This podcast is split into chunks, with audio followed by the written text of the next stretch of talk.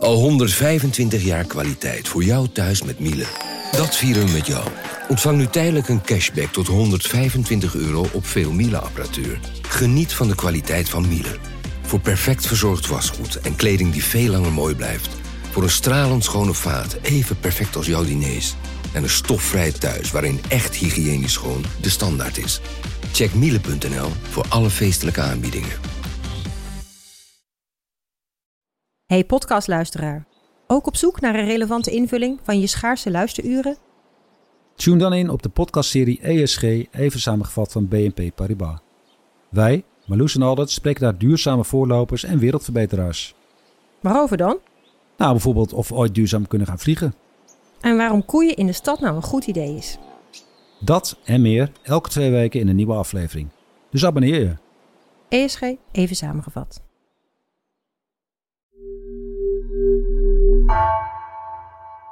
Hey, dit is Misha van NRC Vandaag. Voor we beginnen nog even dit. We kunnen deze podcast alleen maken dankzij onze betalende abonnees.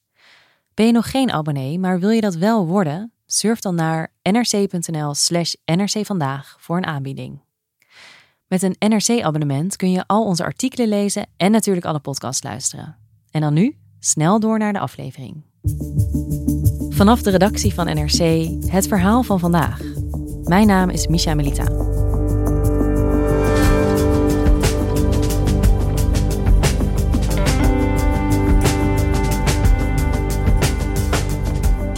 De dreiging van Rusland aan de Oekraïnse grens neemt al maar toe.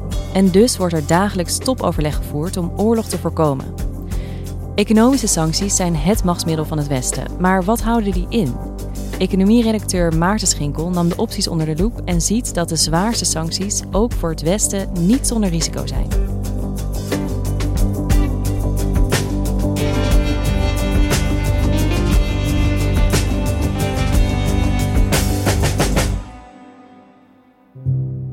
The risk of a conflict is real. Und es ist schwer, das nicht als Drohung zu verstehen. Our view is this is an extremely dangerous situation. We're now at a stage where Russia could at any point launch an attack in Ukraine. The risk of war is now greater than ever before in the last 30 years.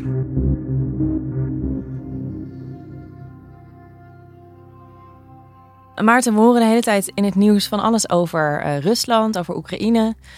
Vorige week zag je weer heel veel overleg. Wat is er allemaal aan de hand? Op dit moment heeft uh, Rusland een grote hoeveelheid troepen samengetrokken aan de grens, uh, de grenzen van Oekraïne. De spanning loopt erg op. Um, een invasie hangt in de lucht. Of niet, niemand weet het. Uh, en aan de kant van de westerse bondgenoten vliegt iedereen van hot naar her, uh, staatshoofden, ministers van Buitenlandse Zaken, om te coördineren wat het antwoord gaat worden op een Russische move ten opzichte van Oekraïne, zonder dat daar geweld bij te pas komt. In ieder geval zonder dat daar militair geweld bij te pas komt. En dat kan je eigenlijk maar op één manier doen, en dat is het instellen van sancties. Met economische en financiële maatregelen. Ja, we horen vaak over economische sancties als Mhm. een machtsmiddel van de EU, van de NAVO. Maar als we daar eens naar kijken, wat zijn dat? Wat bedoelen we dan als we het hebben over economische sancties? Nou kijk, als je aan economische sancties denkt, dan denk je aan eh, zeg maar, het, het straffen van een land, het afsluiten van een land van de buitenwereld, het onder druk zetten van een land en er komt niks meer in, er komt niks meer uit, totdat het vanzelf toegeeft. Nou, die tijd is al heel lang achter ons. Sancties zijn eigenlijk al veel meer, dit is management speak, maar ook sancties zijn maatwerk aan het worden. En dat zie je ook gewoon eh, met de sancties eh, die al tegen Rusland zijn, naar aanleiding van de Krim. En naar aanleiding van de vermeende Russische inmenging in de Amerikaanse verkiezingen van 2016. Dat zijn sancties die steeds verfijnder worden. Die zich op sectoren concentreren, op personen concentreren, op de bedrijven van die personen concentreren, op de vermogens van die personen concentreren. Want welke sancties zijn er ingesteld in 2014 na de inval in de Krim? Er zijn sancties op het gebied van de wapenhandel. Het zijn sancties op het gebied van olietechnologie. Het zijn sancties op het gebied van de toegang van Russische banken tot de westerse kapitaalmarkt. En het zijn heel erg veel sancties op het gebied van uh, zeg maar, persoonlijk bezit en bewegingsvrijheid. Dus dat gaat er gewoon om dat je bepaalde landen niet mag bezoeken? Uh, precies, precies. De EU heeft bijvoorbeeld tegen 158 personen, Russische personen, in de kring rond Poetin, eh, de top van het Russische bedrijfsleven, heeft zij sancties ingesteld. En dat gaat over bewegingsvrijheid. En het gaat ook om het bevriezen van vermogens bijvoorbeeld. En dat zijn de sancties tot nu toe. Mhm. Welke uh, mogelijke sancties liggen er nu op tafel? Wat kan het Westen nu ondernemen qua sancties tegen Rusland? Ja, daar wordt het dus heel erg lastig. Het, het wordt op twee manieren lastig. De eerste manier is, wat is een effectieve sanctie? Dus wat je niet wil, is eigenlijk een land in zijn geheel raken. Want wat je dan doet, is dat je tegelijkertijd moet realiseren dat je vaak onderling afhankelijk bent. De wereld is geglobaliseerd. Iedereen heeft met elkaar te maken. Dus als je een ander land raakt met sancties, dan raak je misschien jezelf ook wel. We zien dat ook met het Russische gas bijvoorbeeld. Europa is op dit moment voor een derde afhankelijk van Russisch gas. Dus ja, wat kan je doen? Ja. En een andere is dat je probeert om niet de hele bevolking te raken. Er zit ook een PR-element in.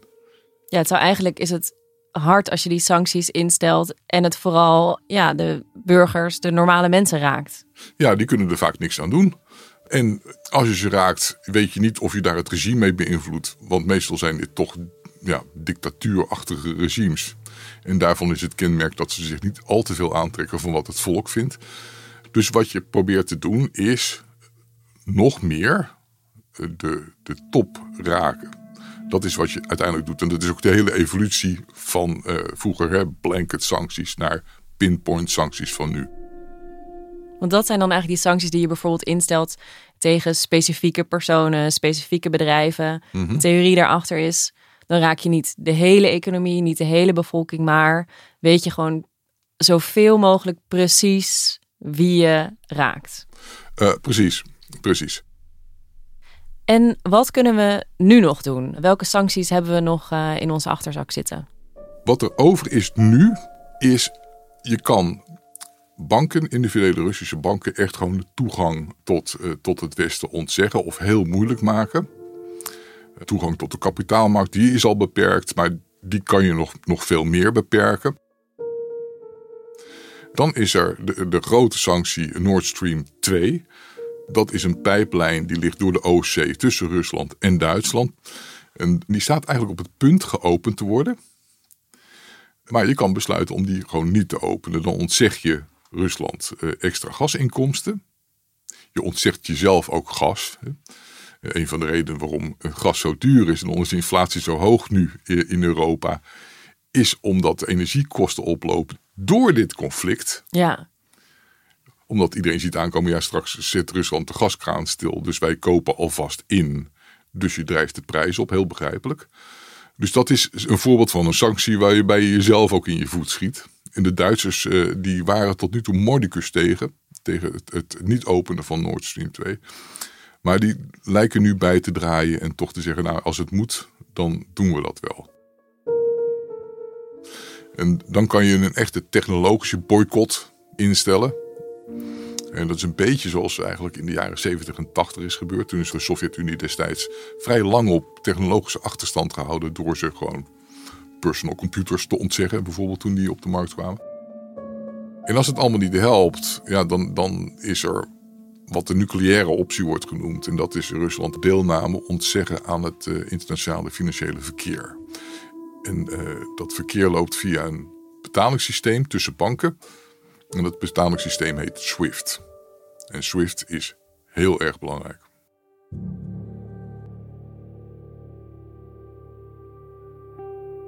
SWIFT, dat is de Society for Worldwide Interbank Financial Telecommunication. Uh, opgericht in 1973 als een soort van Esperanto voor de banken. Esperanto, dat was zo'n leuk idee om allemaal dezelfde taal te spreken. Precies, precies. Uh, banken waren net allemaal geautomatiseerd. Al allemaal een ander systeem. En die begonnen automatisch dingen naar elkaar over te maken. Dat was één grote Babylonische spraakverwarring. Toen is SWIFT ingesteld en toen konden ze allemaal met elkaar praten. Toen liep dat grensoverschrijdend bankverkeer heel soepel. En het is gigantisch. Er zijn echt tientallen miljoenen transacties per dag over SWIFT. Het gaat om uh, honderden, duizenden miljarden dollars die daar worden overgemaakt. Elke dag. Maar is het ook wat ik. Uh, stel dat ik iets koop uit de VS, gaat dat ook via SWIFT? Of is het veel meer op het niveau van banken? Het is heel erg op het niveau van uh, interbank uh, dingen. Maar er is communicatie. Uiteindelijk, als jij iets koopt en iemand al moet het bij de Bank of America op zijn rekening krijgen, dan, uh, dan gaat dat via SWIFT. En stel dat de EU en de VS Rusland willen raken via SWIFT, dan zouden ze Rusland eigenlijk uit dat netwerk halen. Ja, een betaling gaat altijd via een bank. Hè? Tenzij een, een koffer met geld. Dat betekent dat, dat Russische banken gewoon geen betalingen meer kunnen ontvangen. En ook uh, zelf niet meer kunnen betalen. En dat, daar wordt je economie wel kreupel van.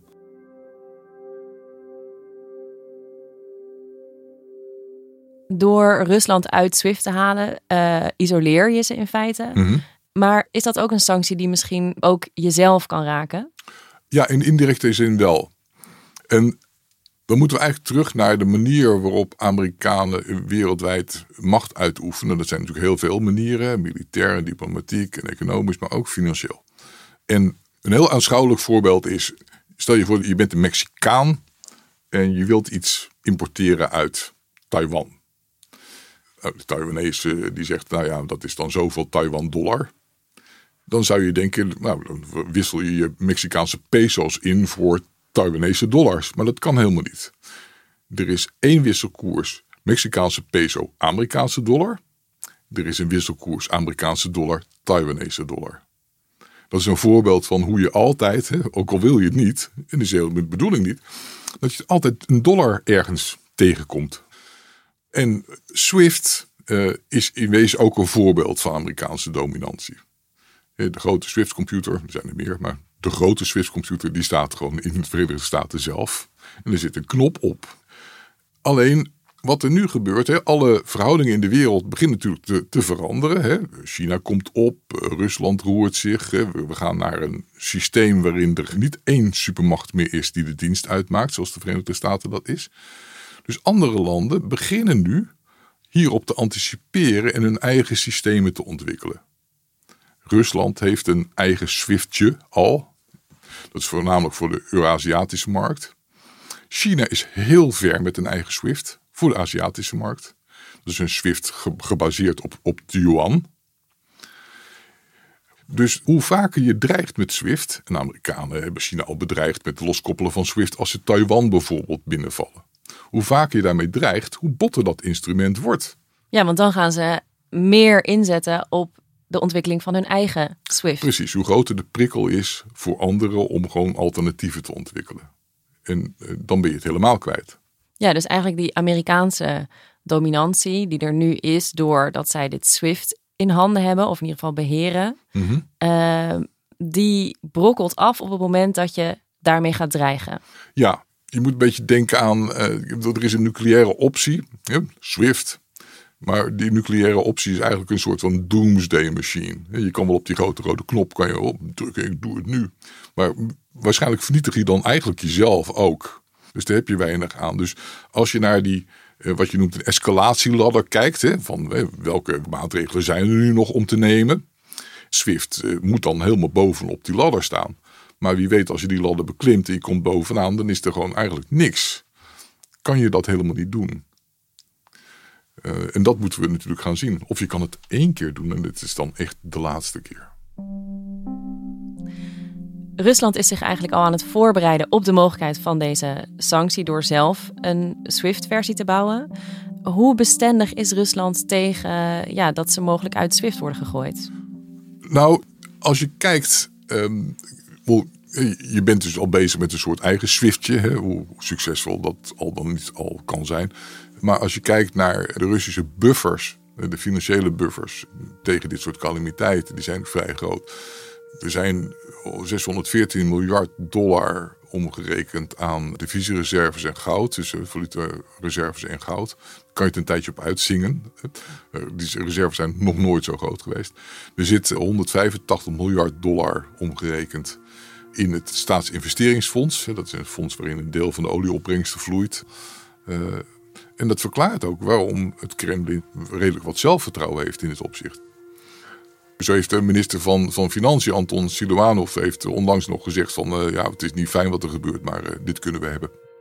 В целом мы, хочу сказать, что выдержим и те ограничения, которые, которые сегодня обсуждаются. Ja, Maarten, we hebben een aantal opties besproken die de EU en de VS nog hebben om Rusland te raken met sancties. Mm -hmm. um, er is natuurlijk ook nog de militaire optie. Er zijn mogelijkheden om Rusland financieel te raken. Er is heel veel overleg. Wanneer gaan we nou beslissen ja, wat de strategie wordt? Nou, dat is eigenlijk gewoon de, de Achilleshiel en ook het hele punt van hybride oorlogvoering. Uh, wanneer is er een oorlog? Wanneer wordt er een drempel overschreden? En die verwarring daarover die is vrij groot. Hè? President Biden die heeft gezegd van ja, een bescheiden invasie leidt tot bescheiden sancties. If it invades, and it depends on what it does. It's one thing if it's a minor incursion and then we end up having a fight about what to do and not do, etc. But if they actually do what they're uh, nou, viel iedereen over hem heen, inclusief zijn minister van Buitenlandse Zaken trouwens. Nou, ho, ho, ho, ho. Een militaire actie van Rusland is een militaire actie. Er zijn geen bescheiden invasies. Uh, om te voorkomen dat, dat je precies komt waar Poetin je wil hebben. Kijk, je bent een hondje en er ligt een biefstuk op tafel en je, je gaat op de stoel ernaast zitten en je doet één pootje zo. Alleen maar op tafel. Dan verschuif je dat pootje iets verder naar de biefstuk. En dan trek je een beetje aan het schoteltje. Je neemt een heel klein hapje, zeg maar. Wanneer ga je over de schreef? Wanneer grijp je in? En dat is natuurlijk heel lastig. Uh, en zeker als je tegenover een front zit wat helemaal verdeeld is. Stel je voor, je hebt één tegenstander. Dan kan je nog een beetje verzinnen wat die tegenstander dan zou doen. Maar je hebt hier eh, de kakofonie van de Europese Unie. Je hebt de Verenigde Staten erbij. Uh, en dat zal natuurlijk genadeloos door Poetin worden uitgespeeld. Ja, dus je hebt eigenlijk die twee moeilijkheden. Je hebt en een verdeeld front. En eigenlijk die vraag, wanneer is het oorlog? Wanneer gaat Rusland te ver? Moeten we ja, bommen gaan tellen, militairen gaan tellen en dan daar bepaalde sancties op gaan afstemmen, dat is natuurlijk heel erg ingewikkeld. Precies. En dat heb je eigenlijk ook in, in dit soort betrekkingen door de, de tijd, de 19e eeuw, waarin staten elkaar de oorlog verklaarden per brief. En er een strijdperk werd afgesproken ergens in een vallei waar de twee legers zich verzamelden. Die hebben natuurlijk al heel lang achter ons. Dit is een hele andere manier. Ja, en je blijft eigenlijk in die onzekerheid. Wat gaat Poetin doen? Hij verklaart dus niet de oorlog, maar ja, hij is wel een beetje aan dat schoteltje aan het trekken. Mhm. Eh, aan de andere kant heb je de EU die altijd moet overleggen over alles. De VS die daar ja, zich bij aansluit, maar ook nog niet weet wat ze willen doen. En, en, en de geweldloze optie, de sancties, uh, eigenlijk ook niet duidelijk zijn. Welke sanctie wanneer, wie is het daar waar wel mee eens. Uh, dus het, het Westen is in naam een verenigd front onder de NAVO uiteraard. Maar er zijn natuurlijk heel veel verschillende spelers. Uh, Amerika neemt hier de leiding en overlegt ook met Rusland. De Europeanen hangen daar toch wel een beetje onder en proberen ook voor zichzelf dan weer een rol op te eisen. Maar dus ze zijn het onderling ook weer niet helemaal eens. De Franse president Macron die maakt gebruik van de gelegenheid om zichzelf te profileren voor de presidentsverkiezingen. En intussen heb je dus ook nog andere spelers. Europa heeft zijn eigen buitenlandschef, Joseph Borrell, die wil ook iets zeggen. Dan heb je de NAVO met Jens Stoltenberg, die wil ook zijn woordje doen. Uh, dus het is vrij onoverzichtelijk. En ik begrijp de Amerikanen in die zin wel dat ze over de hoofden van de Europeanen heen uh, onderhandelen. Want weet je, Henry Kissinger, de, de oud-minister van uh, Buitenlandse Zaken van de Verenigde Staten, die, die vroeg 50 jaar geleden al wat is het telefoonnummer van Europa? en het telefoonnummer is eigenlijk nog steeds zoek.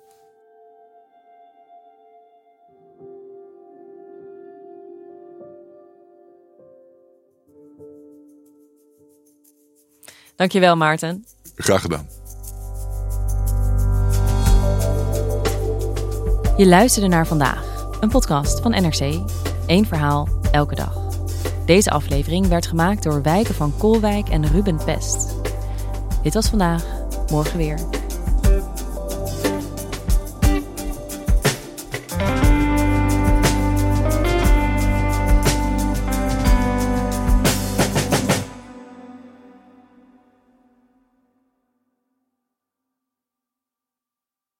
Technologie lijkt tegenwoordig het antwoord op iedere uitdaging. Bij PwC zien we dit anders.